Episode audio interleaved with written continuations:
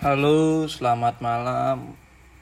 Ini podcast saya selanjutnya. Podcast ini berangkat dari ketika saya menjadi pembicara dalam sebuah bedah buku.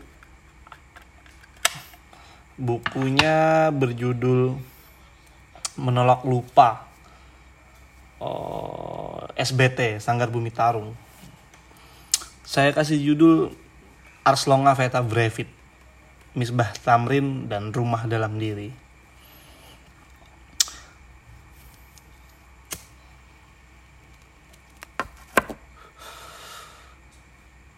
Dalam sejarah seni rupa Indonesia ada satu perca yang tidak bisa dilupakan begitu saja menurut saya. Sejarah yang bagi sebagian orang merupakan bentuk perlawanan secara simbolik estetik terhadap gerak politik pemerintahan di masa itu. Periode ini yang kemudian memunculkan anggapan terhadap seniman-seniman beraliran kiri. Seniman-seniman ini kemudian banyak dinyatakan terafiliasi dengan Lekra, Lembaga Kebudayaan Rakyat. Lekra itu dulu selalu dianggap sayapnya oh, PKI. Ya, saya juga belum begitu bisa mengiyakan atau tidak apakah Lekra itu benar-benar sayap PKI atau tidak gitu. Nah, Lekra kemudian mendapat lawan tangguh secara ideologi di, di saat itu dari sayap kanan yang terasosiasi dalam Manekebu, Manifesto Kebudayaan. Manekebu ini pusat di Jakarta waktu kalau saya tidak salah. Nah, dijelaskan oleh Amir Sidarta, kurator sekaligus pengamat seni, sejumlah penulis, sutradara film, pelukis, hingga pematung lekra itu menyumbang sejarah dalam dunia seni rupa Indonesia. Beberapa nama terpandang ialah yang kita yang bukunya begitu luar biasa yang kita tahu Pramudia Ananta Tour atau saudara film itu ada Bahtiar Siagian, Joko Pekik pelukis Jogja dan Amrus Natasha pematung. Itu orang-orang yang yang dianggap berafiliasi dengan Lekra.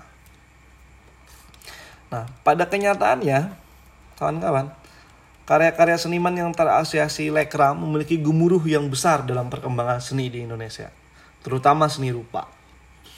Karya-karya pelukis dan perupa yang menjadi manifestasi kehidupan rakyat kecil ataupun kritik simbolik terhadap kekuasaan memunculkan pesan-pesan kuat yang membekas di masyarakat Meskipun pada masa itu pelarangan-pelarangan unjuk tampil karya-karya tersebut menambah daya jual yang besar di pasaran akhirnya. Jadi di masa itu kita harus paham bahwa ketika terafiliasi dianggap terafiliasi dengan dengan dengan sayap kiri di kesenian dengan lekra misalnya, semua ruang itu akhirnya akan di, di, di, dilarang untuk untuk teman-teman atau untuk para seniman yang yang yang terafiliasi tadi. Rasa penasaran masyarakat sebenarnya yang membuat akhirnya karya-karya itu setelahnya diburu dengan harga yang tak terbatas. Nah, semangat realisme sosialis yang diusung seniman-seniman Leka kemudian mampu membawa pesan mendalam pada masyarakat yang tertindas. Karena perilaku feudalisme dan kapitalisme di masa-masa awal kemerdekaan itu menjadi menjadi awal percikan-percikan itu muncul. Salah satu sanggar yang kemudian terafiliasi dengan Lekra adalah Sanggar Bumi Tarung yang digawangi oleh para perupa atau pelukis kelas sore di asli Yogyakarta. Misbah Tamrin menjadi salah satu sepuh yang menjadi bagian awal dari SBT bersama Amrus Natasha dan beberapa perupa lainnya hingga sekarang ini. S, saya kemudian punya SBT Sanggar Bumi Tarung. Nah, Sanggar Bumi Tarung atau SBT ini menjadi laboratorium kekarayaan sebenarnya, ruang kelindahan ilmu dan pergerakan Misbah Tamrin dalam menciptakan karya-karyanya yang banyak mengangkat isu sosial dan kemanusiaan. Seperti kita tahu bahwa SBT atau Sanggar Bumi Tarung membentuk sebuah ideologi sendiri yang mereka sebut dengan realisme revolusioner dengan metode 151 agar berbeda dengan realisme sosialis yang dekat dengan Uni Soviet. Ideologi ini, pembacaan saya merupakan sebuah upaya melakukan perubahan kultural melalui seni rupa dalam upaya memerangi kapitalisme dan feodalisme tanpa gerakan kekerasan. Misbah Tamrin menjelaskan bahwa revolusioner di sini dimaknai sebagai upaya SBT atau Sanggar Bumi Tarung hadir ikut serta dalam perjuangan revolusi di masa Soekarno yang belum selesai. Jadi Sanggar Bumi Tarung berusaha menjadi bagian melalui gerakan kultural untuk berjuang di masa revolusi di masa Soekarno yang mereka anggap belum selesai. Sedangkan 151 adalah sebuah metode kombinasi antara sosiopolitik yang menjadi tulang rangka dalam pembentukan esensi karya di SBT. Politik menjadi panglima merupakan turunan visi atas terorisme revolusioner yang digagas. Jadi ada istilah di dalam SBT itu ada bahwa politik menjadi panglima. Nah, melalui ideologi ini, ideologi dan metode ini kita tentu bisa menduga bahwa SBT adalah sebagai penyambung suara rakyat kecil dalam upaya mencapai kesetaraan, keadilan, dan kemakmuran berkehidupan Nah, semangat yang mengakar ini yang membuat pergerakan mereka organik dan mampu membentuk simpul budaya tersendiri dalam atau melalui seni rupa. Sanggar Bumi Tarung bagi Misbah Tamrin seperti rumah dalam diri. Bersimpulkan sejarah panjang yang hingga kini masih berusaha di rebranding dari anggapan-anggapan suram Orde Baru sebagai sayap lekra yang dikategorikan sebagai gerakan kiri jadi Misbah Tamrin sampai sekarang masih berjuang untuk menjelaskan banyak hal tentang SBT yang selalu diklaim sebagai oh, pergerakan kiri. Misbah Tamrin juga ingin menggambarkan pada generasi Z yang tumbuh dalam keingintahuan berasas ruang digital, ruang di mana antara benar dan salah hanya berjarak sekian byte menurut saya. Bagi MT menjelaskan kesimpang siuran gerakan SBT yang dikostumisasi pemerintah sebagai bagian dari radikalisme kiri adalah sebuah tanggung jawab moral yang harus segera diselesaikan yang terpendam dalam diri selama 13 tahun kurungan. Yang tidak yang perlu teman-teman tahu, Misbah Tamrin itu menerima hukuman tanpa persidangan, tanpa kejelasan selama 13 tahun. Sebagai juru bicara dari Sanggar Bumi Tarung, membawa pesan dari sudut pandang subjek, Misbah Tamrin kemudian menulis buku Suanggar Bumi Tarung Melawan Lupa yang terbit 2019 tadi. Kebetulan saya dipercaya sebagai salah satu pembedah buku itu dengan Sandy Firly dan dengan Pak Misbah sendiri. Nah buku ini menjadi bagian dari pertanggungjawaban dan aksi rekonsiliasi budaya Sanggar Bumi Tarung yang ditulis oleh Misbah Tamrin sebagai sebuah gerakan seni sosial yang mengikat para anggotanya. Pada sebuah artikel, Misbah Tamrin membahas secara khusus dan singkat apa itu sebenarnya Sanggar Bumi Tarung. Bagi Amrus Natasha dan Misbah Tamrin sebagai pendiri awal Sanggar Bumi Tarung, Sanggar Bumi Tarung itu adalah ruang ekspresi yang berangkat dari daya juang buruh dan petani dalam melawan kapitalisme dan feodalisme Slogan itu kemudian menambah bumbu Sanggar Bumi Tarung dicap sebagai radikalis kiri. Pertanyaannya kemudian muncul, apakah hanya karena membela kaum buruh dan kaum petani sehingga SBT kemudian dianggap sekiri itu?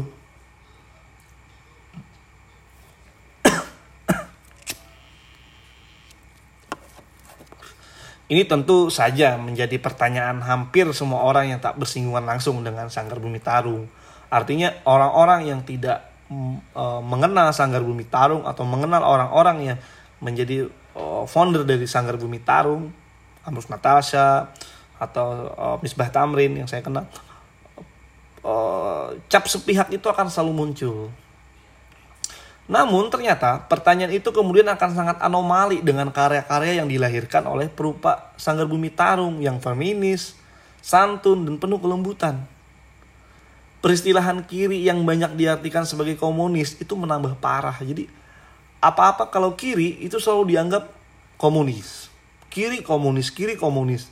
Itu yang menambah parah. Ada semacam sebuah doktrinisasi bahwa apa pun yang bersifat kiri itu adalah komunis di negara ini. Ini ini juga menjadi uh, penting ketika uh, teman-teman untuk membaca uh, Sanggar Bumi Tarung melawan lupa karya Misbah Tamrin agar agar setidaknya ada pemahaman baru, ada pengetahuan baru tentang tentang gerakan-gerakan kiri.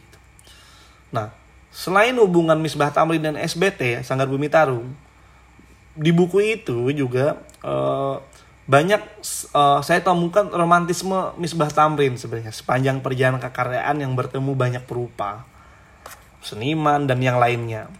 Romantisme ini memunculkan gagasan-gagasan baru untuk Misbah Tamrin dalam menyikapi ruang seni rupa yang semakin bebas dan kontemporer sekarang ini.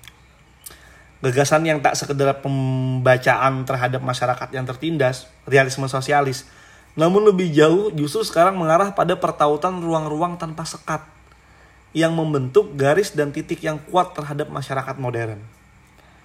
Nah, masa-masa Moy Indie yang diserang oleh para avantgardis menjadi bagian menarik di mana pemandangan-pemandangan indah yang dianggap sebagai pembawaan gagasan seni kolonial digugat oleh kaum avantgard dengan esensi kekaryaannya. Lebih memposisikan seni rupa sebagai alat perjuangan sehingga muncul lukisan-lukisan perjuangan yang bertema heroik Setelahnya muncul era modern dan bahkan postmodernisme. Sony misalnya menjelaskan uh, Sony Kartika Sony ini, ini profesor uh, seni rupa dari Institut Seni Surakarta. Jadi uh, Pak Sony Darsono Kartika menjelaskan bahwa seni rupa dan masyarakat dalam era modern saat ini kian terancam integralisasinya Seni rupa yang pada awal perkembangannya merupakan satu kesatuan yang tak terpisahkan dengan masyarakat, kini mulai dipertanyakan keberadaannya. Dewasa ini, seni rupa bukan lagi suatu terapi batin dan media refleksi akan realitas sosial bagi masyarakatnya, namun lebih menjadi sekedar produk seni yang butuh pembeli. Itu kata Sony Kartika Darsono, seni dan mesenas baru. Di tahun 1996 uh, kutipan ini di, dimunculkan. Bayangkan. MT juga banyak mengupas perkembangan seni rupa baik masa revolusi, perang dingin hingga masa demokrasi sekarang. Masa demokrasi bagi MT juga menandai era keterbukaan seni rupa yang membentuk paradigma kontemporer. Tak melulu persoalan sosial, seni masuk pada wilayah yang kompleks seperti politik, oh, hal-hal yang lain yang yang yang itu menjadi bagian bagaimana akhirnya mempengaruhi cara berpikir senimannya. Nah, pada wilayah politik kita bisa menemukan bagaimana Misbah Tamrin sejak masa kebangkitan oh, maksud saya Misbah Tamrin menulis artikel tentang perkembangan gerakan seni budaya di Indonesia sejak masa kebangkitan nasional hingga sekarang. Itu di halaman 105 sampai 113 atau selera budaya dan seni penguasa halaman 91 sampai 96 yang ditulis Misbah Tamrin dalam bukunya SBT Melawan Lupa. Dan berbagai artikel lainnya yang secara garis besar saling terhubung. Membentuk sebuah pemahaman bahwa MT terlibat banyak dalam peristiwa seni rupa yang berhubungan dengan orde-orde pemerintahan sebenarnya. Nah, pikiran-pikiran dan tubuh traumatiknya MT, Misbah Tamrin, ini juga kemudian membentuk pemahaman ideologis dalam dirinya sekarang ini. Sanggar Bumi Tarung menjadi rumah dalam diri bagi Misbah Tamrin yang kemudian membentuk pemahaman ideologisnya yang ditelurkan dalam karya yang bisa kita lihat uh, sangat humanis sekarang dan berbicara banyak hal tentang kemanusiaan. Uh,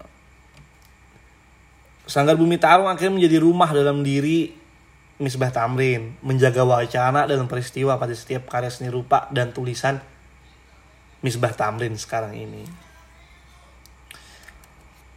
Arslonga Peta Brevit. Begitu Misbah Tamrin menjelaskan esensi seni dan pelaku seninya.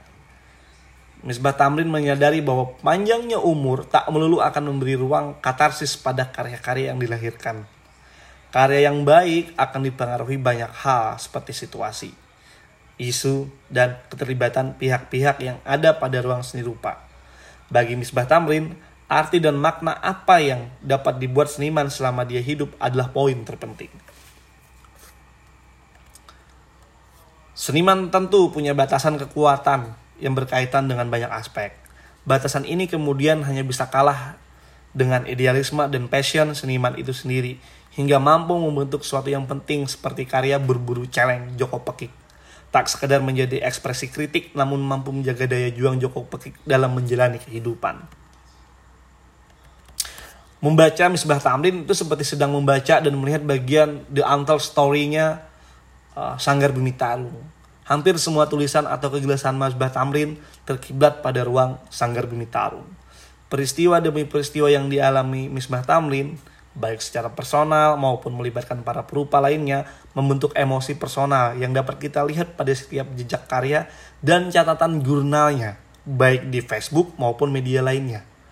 Jadi Misbah Tamrin itu menulis panjang sekali di media sosial beliau, bercerita banyak hal uh, wacananya, gagasannya, pengalamannya, dan hal-hal baru yang sedang beliau uh, pelajari. Saya kemudian berpandangan, tak mudah mengikuti arus berpikir Misbah Tamrin. Melihat arus kenangan dan keterbukaan pikirannya membuat Misbah Tamrin paham betul dengan posisinya sebagai perupa penulis. Menyampaikan pesan melalui dua ruang untuk membuat interkoneksi antara yang lalu dan yang sekarang menjadikan Misbah Tamrin kuat di usia senjanya. Buku Sanggar Bumi Tarung Melawan Lupa merupakan anak yang dilahirkan Misbah Tamrin untuk menjaga tradisi kesejarahan, mengulang dan mengingatkan kita semua akan sebuah peristiwa yang tak kunjung mendapat hak jawabnya. Ini merupakan bagian dari tulisan saya ketika diminta untuk membedah buku Misbah Tamrin di tahun 2019. Saya kira semua orang sekarang di era demokrasi punya hak untuk menjawab hal-hal yang selama ini membentuk paradigma berpikir negatif terhadap dirinya. Selama ini kita selalu berpikiran bahwa semua berdasarkan pada salah dan benar yang sangat subjektif. Sekali-sekali kita harus mendengarkan orang yang kita anggap salah ataupun orang yang kita anggap benar untuk menjelaskan apa dan bagaimana pandangan dia atau yang dia lakukan sebelum uh, judgement itu muncul. Sekian dari saya. Selamat. Terima kasih bagi yang mendengarkan.